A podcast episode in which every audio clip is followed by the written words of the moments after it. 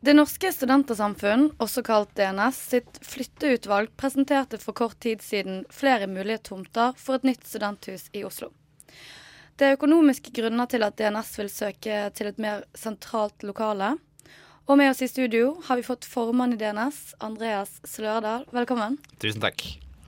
Som sagt så er det økonomiske grunner til at DNS ønsker å finne et nytt lokale. Kan du forklare litt mer? Ja.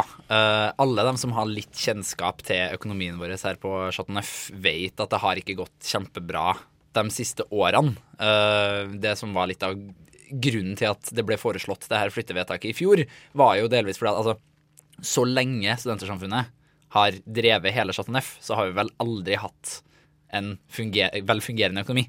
Uh, det er ganske mange store lån som har vært nødt til å bli tatt opp. Det, altså, stort sett av vår egen våre egne sparepenger, uh, som er satt igjen uh, for seg selv. men det, det, betyr at vi greier ikke per nå å, å, å, drive huset på en sunn og bærekraftig måte.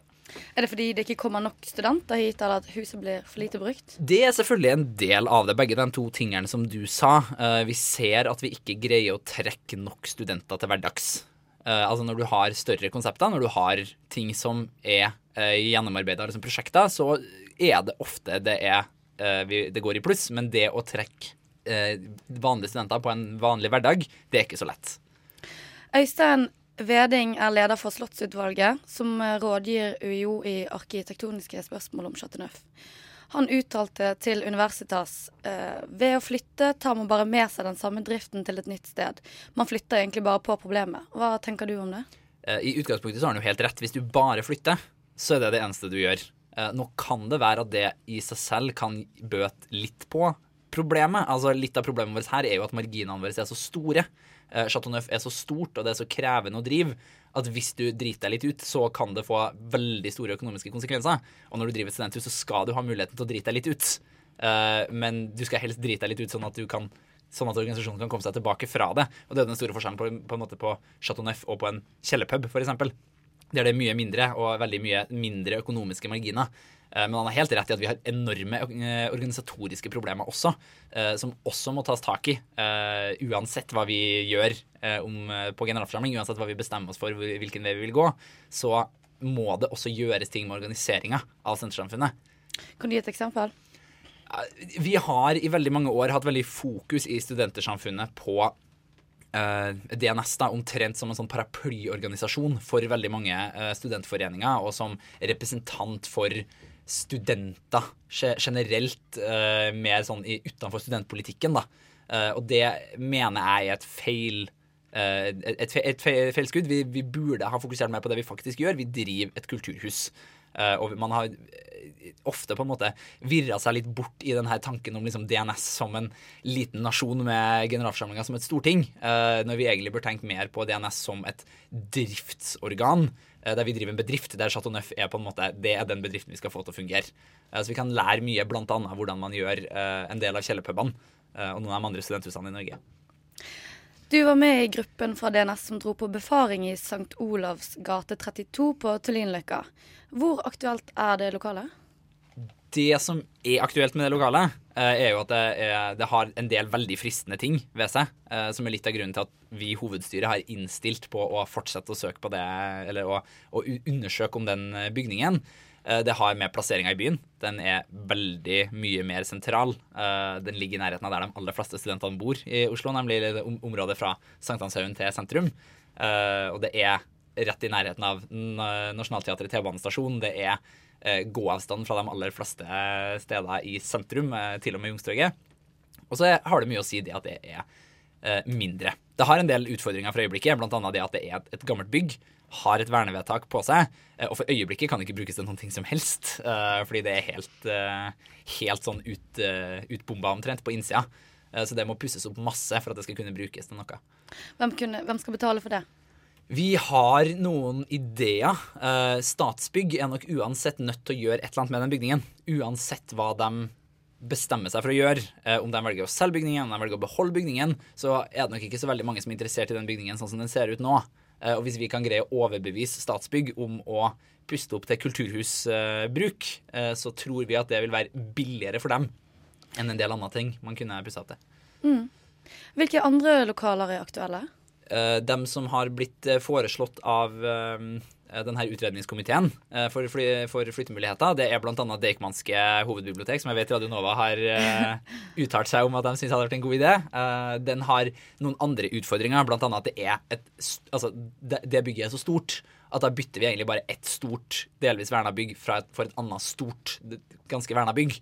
Uh, selvfølgelig, det er veldig mye mer sentralt da, og det er veldig stilig uh, og alt sånt. Uh, et annet alternativ er sånn som Botsen på Grønland, der Egon Olsen gikk ut av på uh, de gamle Olsen-banden-filmene. Uh, og så har de sett på sånn som Christian Ottesens hus på Blindern. det var tanken. altså Hvis man ønsker å fokusere det enda mer mot Blindern, heller enn å være litt sånn midt imellom universitetet og alt annet. Mm. Så hvor mange organisasjoner finnes det her på huset? Aftenposten skrev nemlig at alle er enige om å flytte. Er vi enige, og må vi være det? Nei, vi er ikke alle enige om å flytte, for det, eh, det spørsmålet er ikke avgjort ennå. Det, si, altså, det er kanskje enklere å si vi vet ikke ennå om alle er enige om å flytte, men det hadde overraska meg veldig hvis alle var det. Um, det vi vet, uh, er at det er veldig mange utenfor Chateau Neuf som er veldig positiv. Og det, jeg tror det var der uh, Aftenposten-journalisten på en måte Og jeg kommuniserte litt dårlig da jeg sa at alle var veldig positive. Så mente jeg alle utenfor husets uh, fire vegger. for der har jeg snakka med ganske mange, både på høyskolen, UiO, SIO, altså i, i, den, i de store institusjonene da, som er veldig positive. mens internt så har vi mer uenigheter, og der er det mange som er redd for nettopp det som du siterte Øystein på, at altså, vi vet ikke nok her. Hva om vi bare flytter alle problemene våre til et nytt sted uten å egentlig gjøre noe som helst. Men hvis det blir flytting, når vil, vil det eventuelt skje?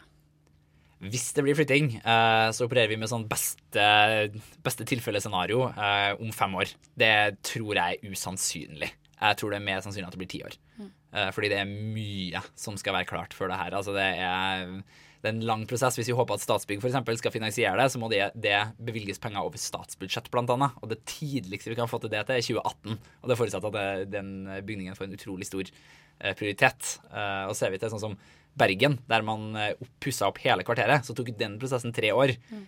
Og det her er snakk om en mye større bygning enn det kvarteret. Vi har vært inne på det, men bygget eies av Statsbygg. Hvordan skal Altså bygget eh, i St. Olavs gate. Mm -hmm. eh, hvordan skal DNS betale husleien?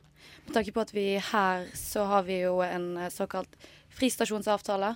Hvor det er UiO som eier bygget og betaler husleie osv.